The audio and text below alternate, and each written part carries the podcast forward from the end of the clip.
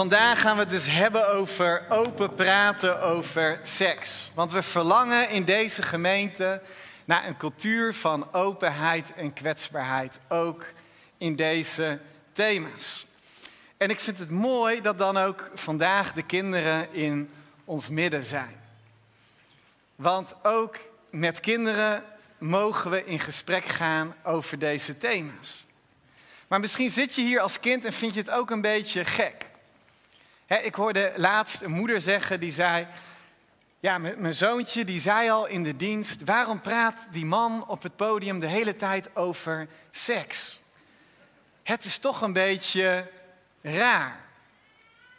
Een beetje raar om dat te doen. En misschien zit je hier ook wel en ga je vandaag nog meer woorden horen die je een beetje raar vindt om zomaar te horen in publiek.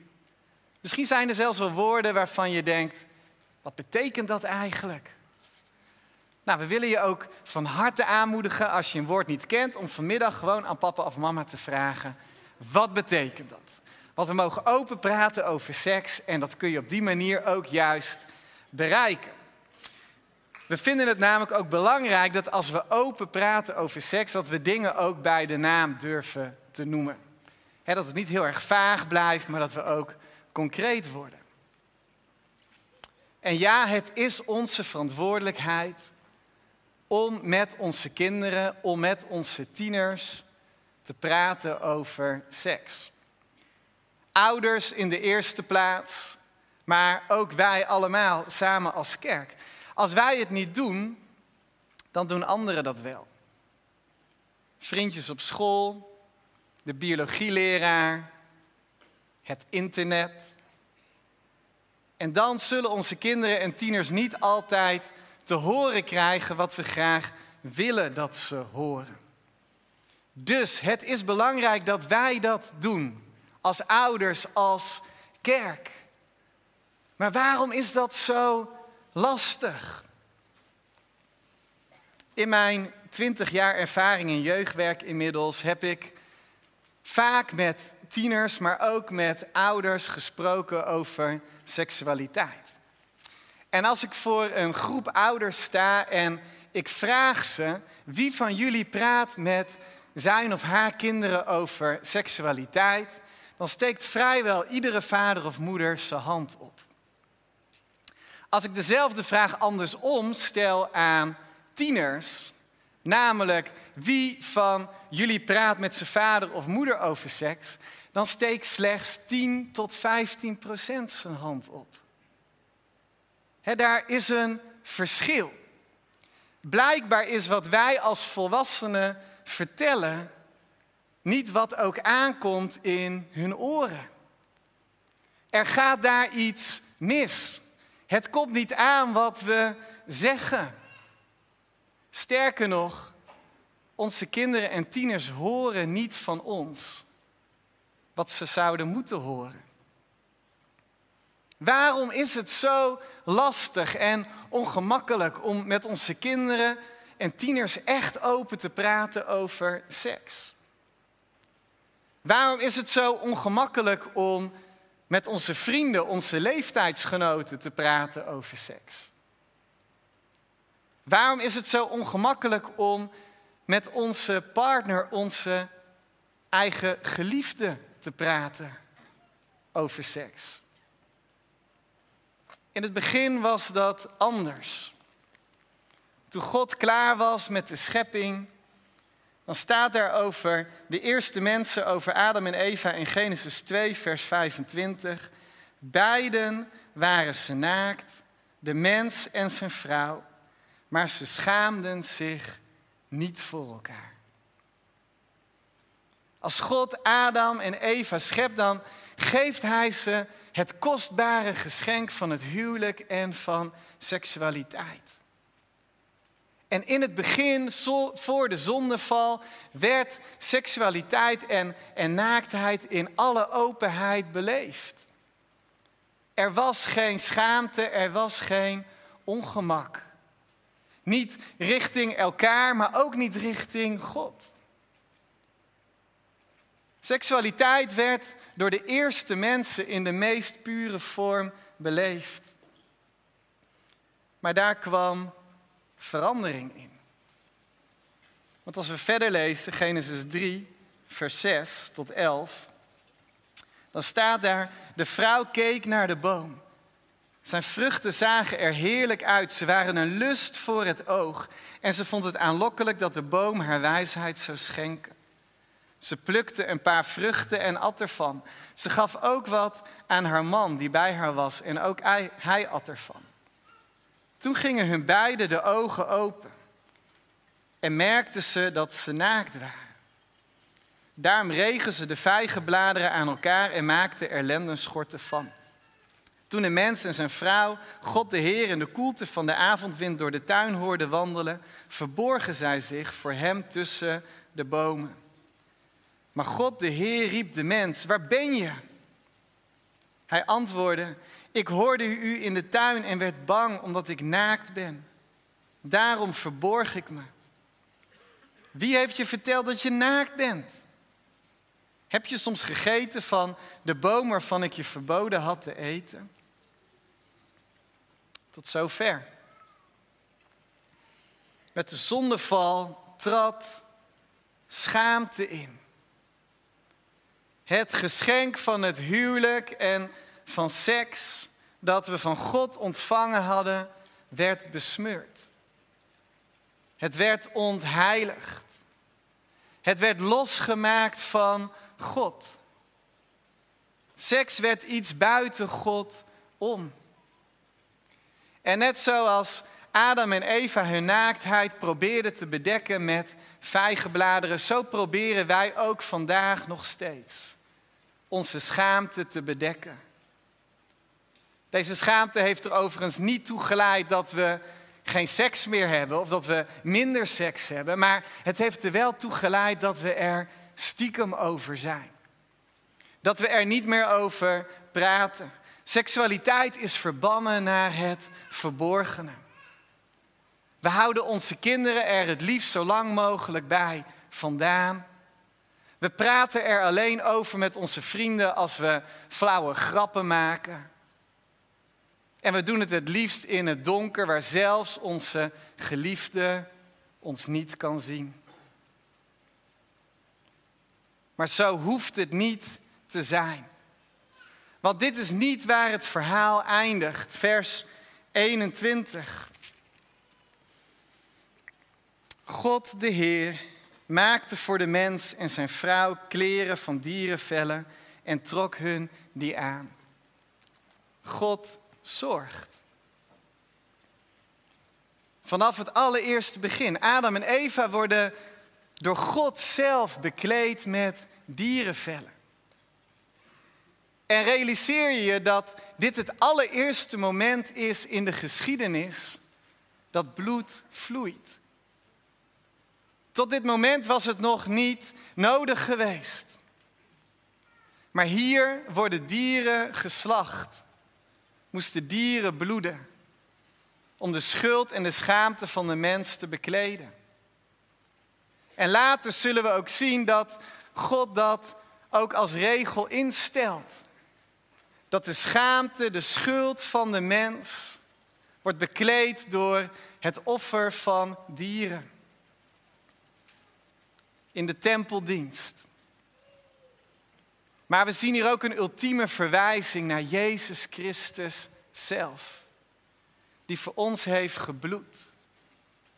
Die voor ons is gestorven.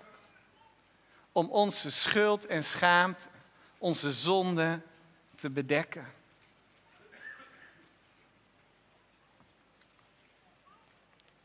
Ook al hebben wij het verknald.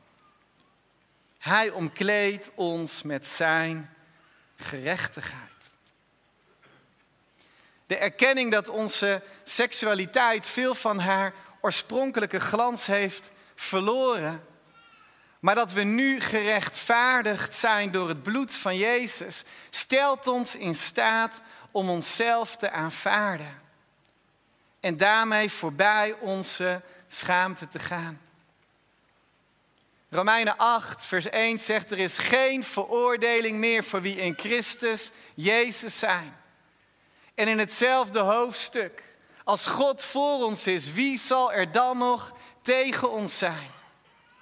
Er ontstaat ruimte om je in kwetsbaarheid open te stellen voor anderen, zodat je in je seksualiteit steeds meer kan toegroeien naar het leven zoals God dat heeft bedoeld en voor je heeft klaarliggen.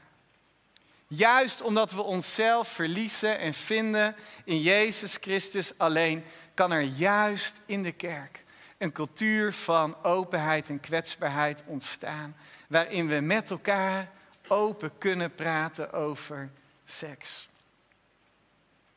En allereerst heeft dat betrekking op de relatie met je eigen partner. Hoe open praten jullie over seks? Kun je aan elkaar vertellen wat je fijn vindt? Of wat je juist heel erg onprettig vindt? Wat je verlangens zijn?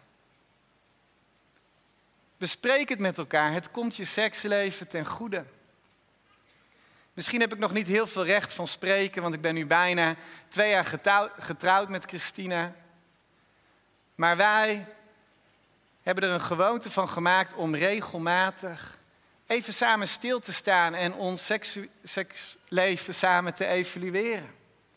De mooie momenten waar we vol van hebben genoten, maar ook de momenten die wat minder waren. Waarom was dat zo? En soms moeten we daarvoor echt wel eventjes over een drempel heen. Dat is niet altijd makkelijk en het vraagt elke keer weer om, om moedig die keuze te maken. Maar het komt ons altijd ten goede. Maar bespreek daarnaast ook de ervaringen uit je verleden. Of de worstelingen van vandaag. Geheimen voor elkaar maakt je relatie stuk. Maar voorbij de schaamte gaan en open met elkaar praten, dat verdiept je relatie en vergroot de verbondenheid. In mijn verkeringstijd met Christina had ik een keer porno gekeken. Het ging al lange tijd goed, maar ik was toch voor de bel gegaan. En ik voelde me schuldig. Naar God, maar ook naar Christina. Ik voelde me ellendig. En ik wilde haar niet kwetsen, dus ik besloot om het voor mezelf te houden en niet met haar te delen. Maar het tegenovergestelde gebeurde, want juist doordat ik erover zweeg, kwetste ik haar. Want wat gebeurde er? Christina merkte dat er iets veranderd was. Op een of andere manier hebben vrouwen daar een antenne voor. Ik snap het ook niet, maar dat is gewoon zo. En ze probeerde met mij daarover te praten. Maar ik hield het af. En Christina voelde zich afgewezen. En ze vroeg zich af of zij iets verkeerd had gedaan. Ik probeerde haar te beschermen, maar ze voelde zich afgewezen. En toen ik uiteindelijk de moed bij elkaar kon rapen om het haar te vertellen, begreep ze mijn houding. En kwam er vergeving en kwam er liefde. Wat bleek, ze vond het natuurlijk niet leuk dat ik dat had gedaan, maar ze vond het nog erger dat ik naar haar had gezwegen.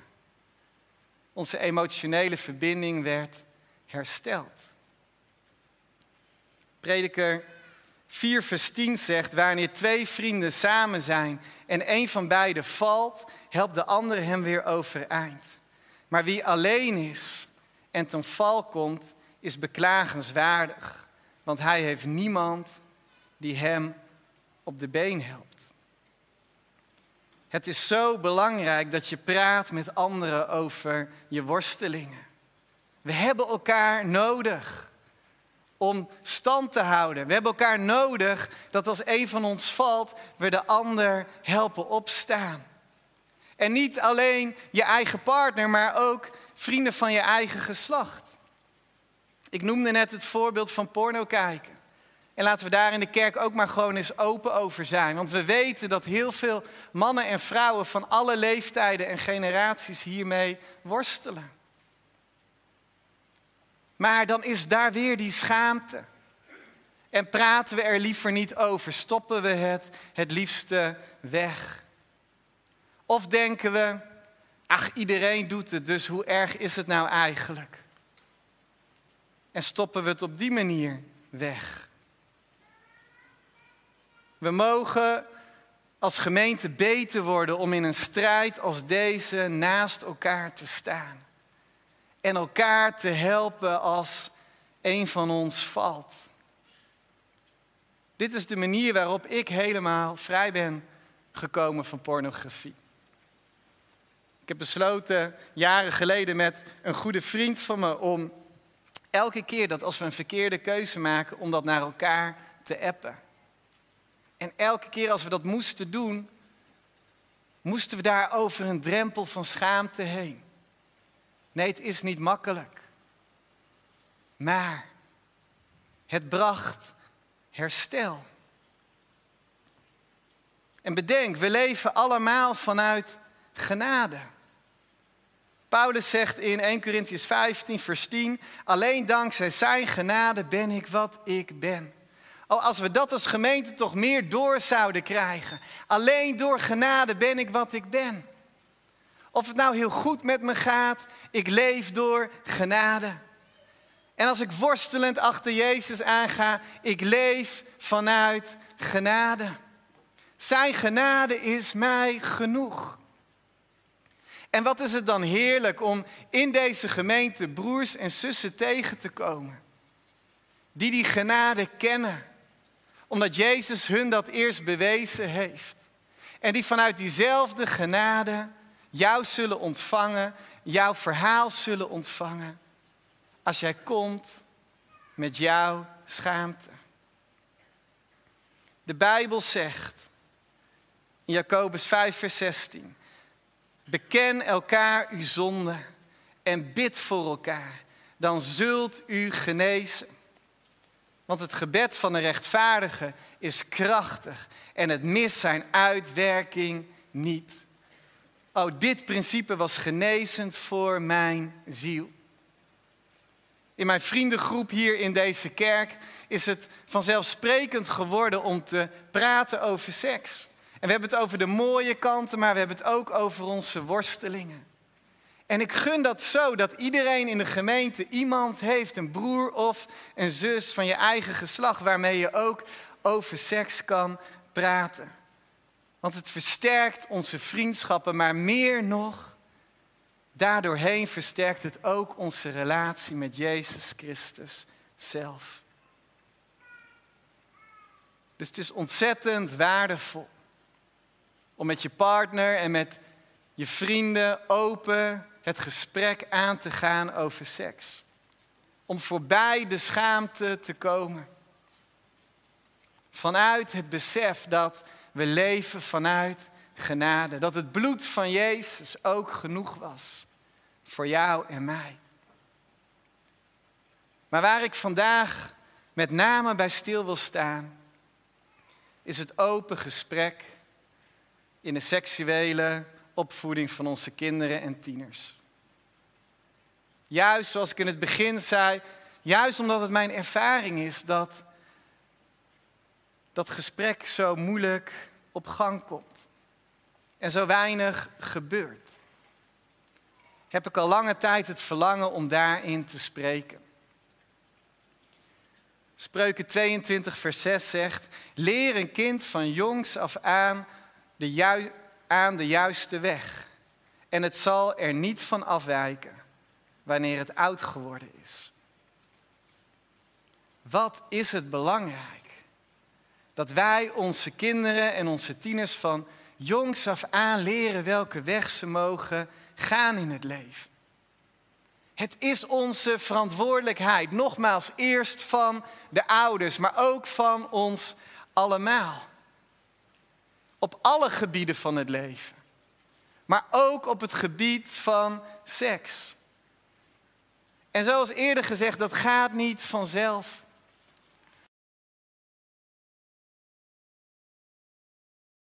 op dit onderwerp richting onze kinderen, merk ik dat veel ouders ook twijfelen over de juiste timing.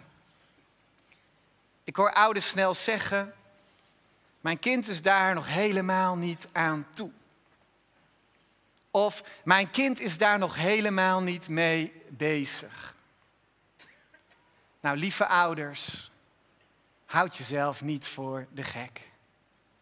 Jouw zoon, jouw dochter is daar waarschijnlijk veel eerder mee bezig dan dat je zelf denkt.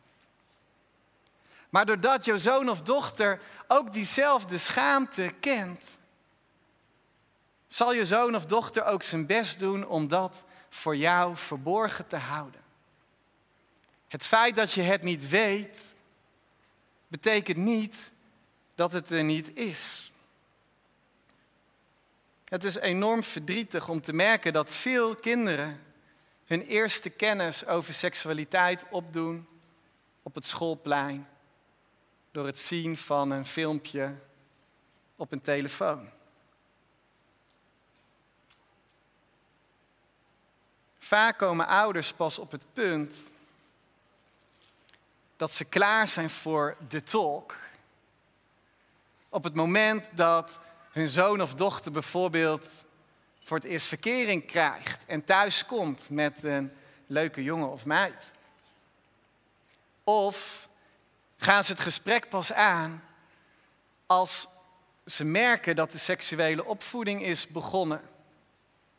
Bijvoorbeeld op het moment dat een meisje voor het eerst menstrueert. Of als ouders merken dat hun zoon een zaadlozing heeft gekregen, bijvoorbeeld in een natte droom. Nou, dat moment is dus te laat. Die uitingen horen inderdaad bij de seksuele ontwikkeling, maar zijn zeker niet de eerste. Ze duiden erop dat de seksuele ontwikkeling al een tijdje gaande is.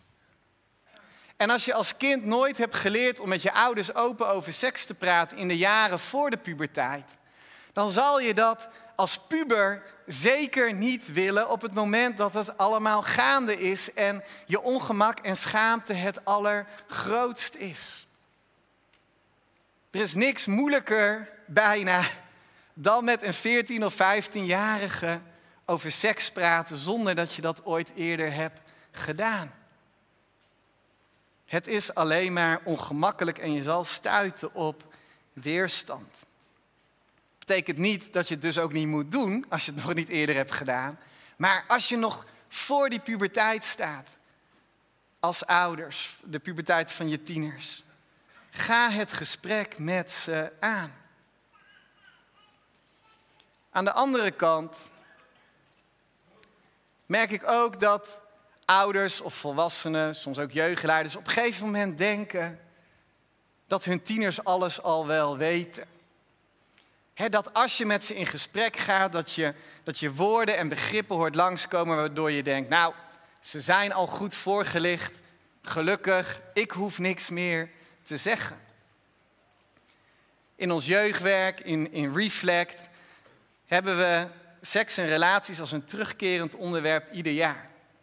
En een van de opdrachten die we dan vaak doen is dat we de tieners aan het begin van de avond een groot vel papier geven en dat we ze alle woorden laten opschrijven die met seks te maken hebben. Ik wil niemand chockeren, dus ik zal niet vertellen wat ze allemaal opschrijven. Maar het zijn veel woorden en het zijn expliciete woorden. En inderdaad kun je dan heel snel de indruk krijgen, ze weten alles al. Maar het eerste wat ik doe als ze klaar zijn met hun vel papier, is dat ik ze vragen ga stellen over wat ze hebben opgeschreven. Wat betekent dit woord? Wat wordt daarmee bedoeld? Kun je hier een voorbeeld van geven? En wat ik elke keer weer merk, met name bij de jongste tieners, is dat het kennen van bepaalde woorden niet hetzelfde is als het kennen van de betekenissen daarvan. Het feit dat ze bepaalde woorden hebben gehoord of hebben zien langskomen, betekent niet dat ze ook weten wat het betekent. Laat je niet voor de gek houden.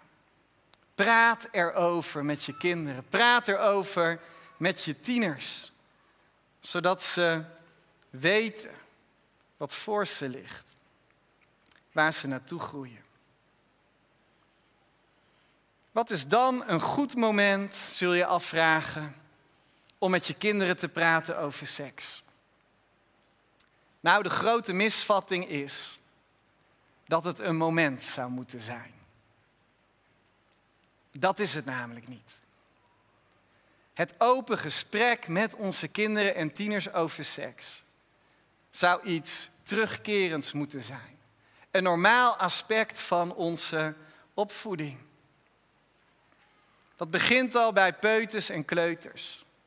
Als ze ontdekken dat jongetjes en meisjes verschillend gemaakt zijn. Praat erover, leg het aan ze uit hoe het allemaal heet en wat het betekent. Of het moment als een kind voor het eerst vraagt hoe toch die baby in mama haar buik komt.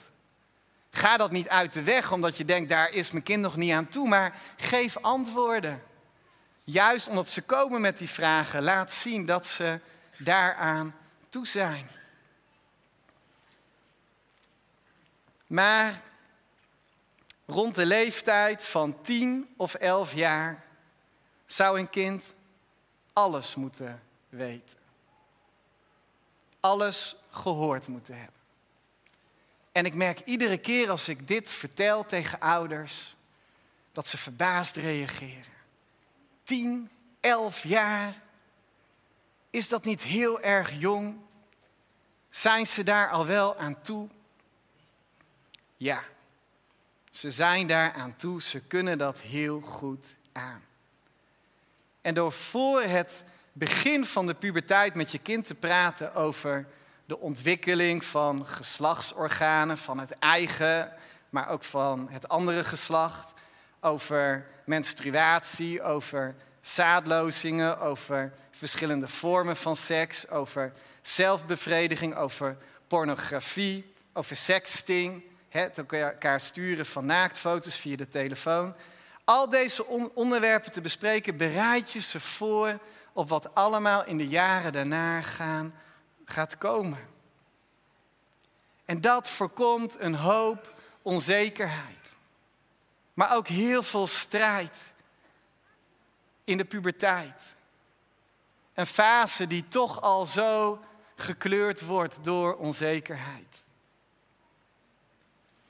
En als het voor de puberteit normaal is geworden om met je vader of moeder te praten over seks, dan zullen tieners ook eerder geneigd zijn, laat onderzoek zien, en mijn ervaring overigens ook, dat je zoon of je dochter ook naar je toe zal komen op het moment dat hij of zij worstelt in zijn puberteit. En ze zullen zelfs eerder geneigd zijn om op het moment dat ze een vriendje of vriendinnetje krijgen en het wordt serieuzer, dat ze ook dan met hun vragen naar jou toe zullen komen. En zelfs in hun volwassen leven. Dat wat je zaait, dat zul je ook oogsten. Wat kun je als ouders tot grote steun voor je kinderen zijn? Als ze al die veranderingen die ze meemaken tussen hun twaalfde en 24ste niet alleen hoeven door te maken. Niet zelf hoeven uit te zoeken. Maar dat ze jou als vader of moeder naast zich hebben staan om jou daarin te steunen. Je daarin aan te moedigen om de juiste weg te gaan. Om daarin uitleg te geven, maar ook steeds weer te wijzen naar Jezus. En doe je dat niet, dan gaan ze zelf wel op onderzoek uit. Het is niet iets wat je voor hun verborgen of weg kunt houden. Maar ze zullen niet altijd op onderzoek uitgaan op de plekken waar jij wilt dat ze hun informatie vandaan halen. Wil je dat je kinderen een gezond beeld krijgen van seks? Wil je je kinderen beschermen tegen de gevaren rondom seks? Praat open met ze.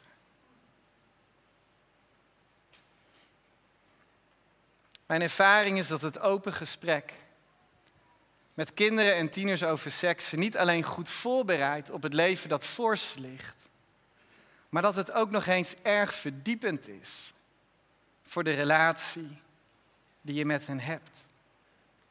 want als we het er zo over hebben, dan kan het klinken alsof het vooral allemaal maar heel ongemakkelijk en lastig is. Maar het is ook heel erg leuk, opbouwend en verbindend om deze gesprekken aan te gaan. En misschien weet je niet goed hoe je het gesprek kan beginnen. Nou, we hebben vandaag in de boekshop ook verschillende boekjes liggen, geschreven voor kinderen, voor tieners, die je, die je kunt lezen met ze. En dan, ouders, leg dan niet dat boekje op hun kussen of onder hun kussen, zoals veel van mijn generatie hun ervaring is van lees het dan maar zelf. Nee, ga dat boekje samen met je kind lezen, zodat je na elk hoofdstuk ook weer daarover kunt doorpraten met elkaar.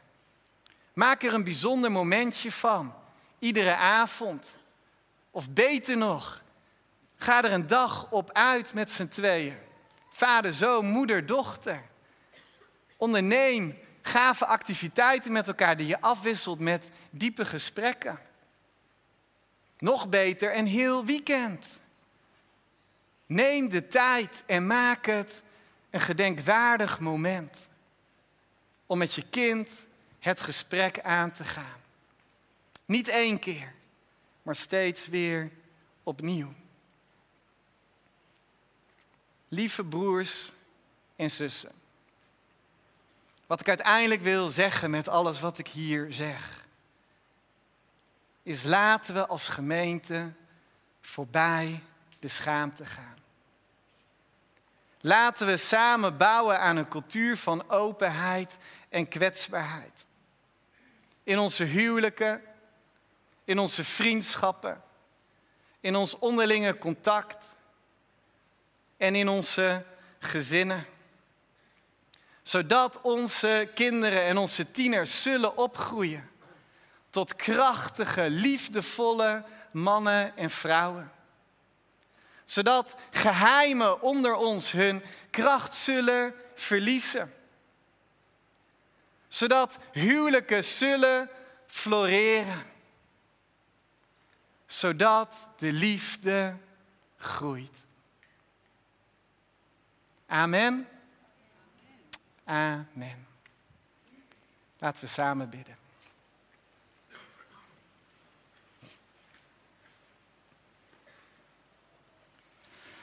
Ja, Vader God, Schepper God, wat heeft u het allemaal mooi bedacht. Iedere week danken we u daar ook weer opnieuw voor. Hoe je de mens schiep, man en vrouw in naaktheid. En dat er volledige ontspanning was. Dank u wel dat seks ook nooit bedoeld is als iets buiten u om. Maar dat het ook voor u helemaal open is. In Psalm 139 zegt u, de grond en kent ons. Elk moment. U bent er ook bij in onze slaapkamer. En misschien vinden we dat gek om te bedenken, maar maar u bent zo comfortabel met ons. U bent zo op uw gemak met onze seksualiteit en onze naaktheid. Heer, maar we komen bij u met onze schaamte. Want ook wij weten dat we gevallen zijn. Ook wij weten dat we veel van die oorspronkelijke glans verloren hebben. U weet hoe we ons best doen om ons te verstoppen. Voor u en voor elkaar. Maar dank u wel dat u ons naar voren roept. Dat u net als bij Adam en Eva, dat u ons uit de bosjes roept. Waar ben je? Kom toch, want ik wil jou bekleden. Het offer was ook genoeg voor jou.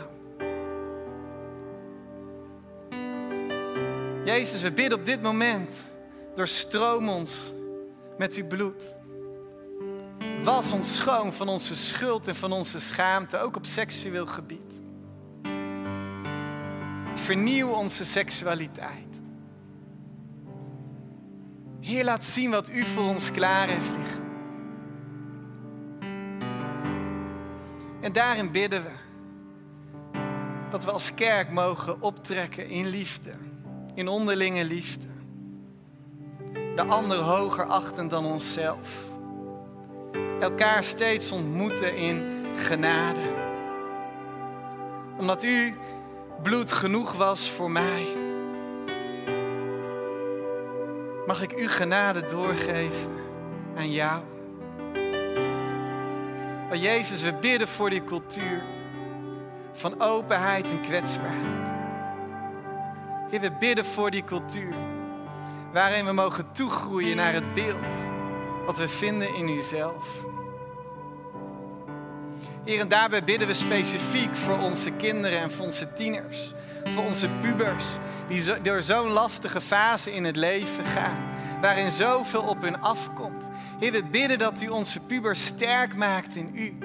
Heer, dat ze zullen mogen weten in alle veranderingen die ze doormaken in deze fase van hun leven, welke weg ze met u mogen gaan. Heer, we bidden dat u hun ouders in staat stelt om het gesprek aan te gaan. Heer, we bidden voor alle prachtige vaders en moeders in deze zaal. Heer, dat ze niet in schaamte zullen wegkijken. Maar dat ze mogen weten dat als u voor hen bent, niemand meer tegen hun kan zijn. En dat ze daarin ook in kwetsbaarheid hun kinderen mogen ontmoeten. Heer, we bidden dat, dat in onze gezinnen, in deze gemeente, die openheid zal zijn. Zodat onze kinderen en tieners krachtig en in liefde kunnen opgroeien.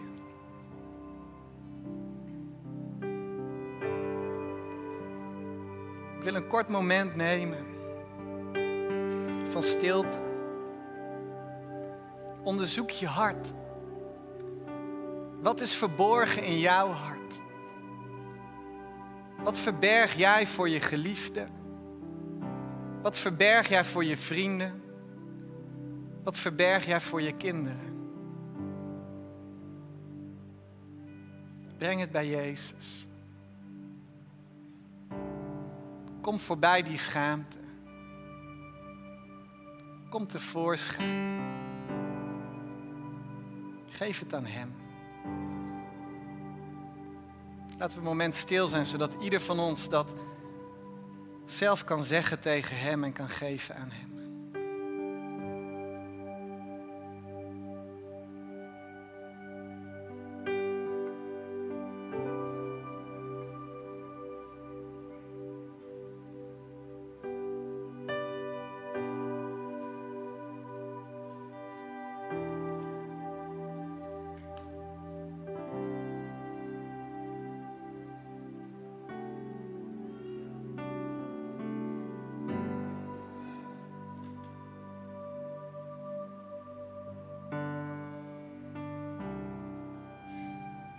Jezus, zo bidden we, vernieuw ons. Vernieuw ons van binnenuit. En geef ons de moed om tevoorschijn te komen. Naar U en naar elkaar. In Jezus' naam.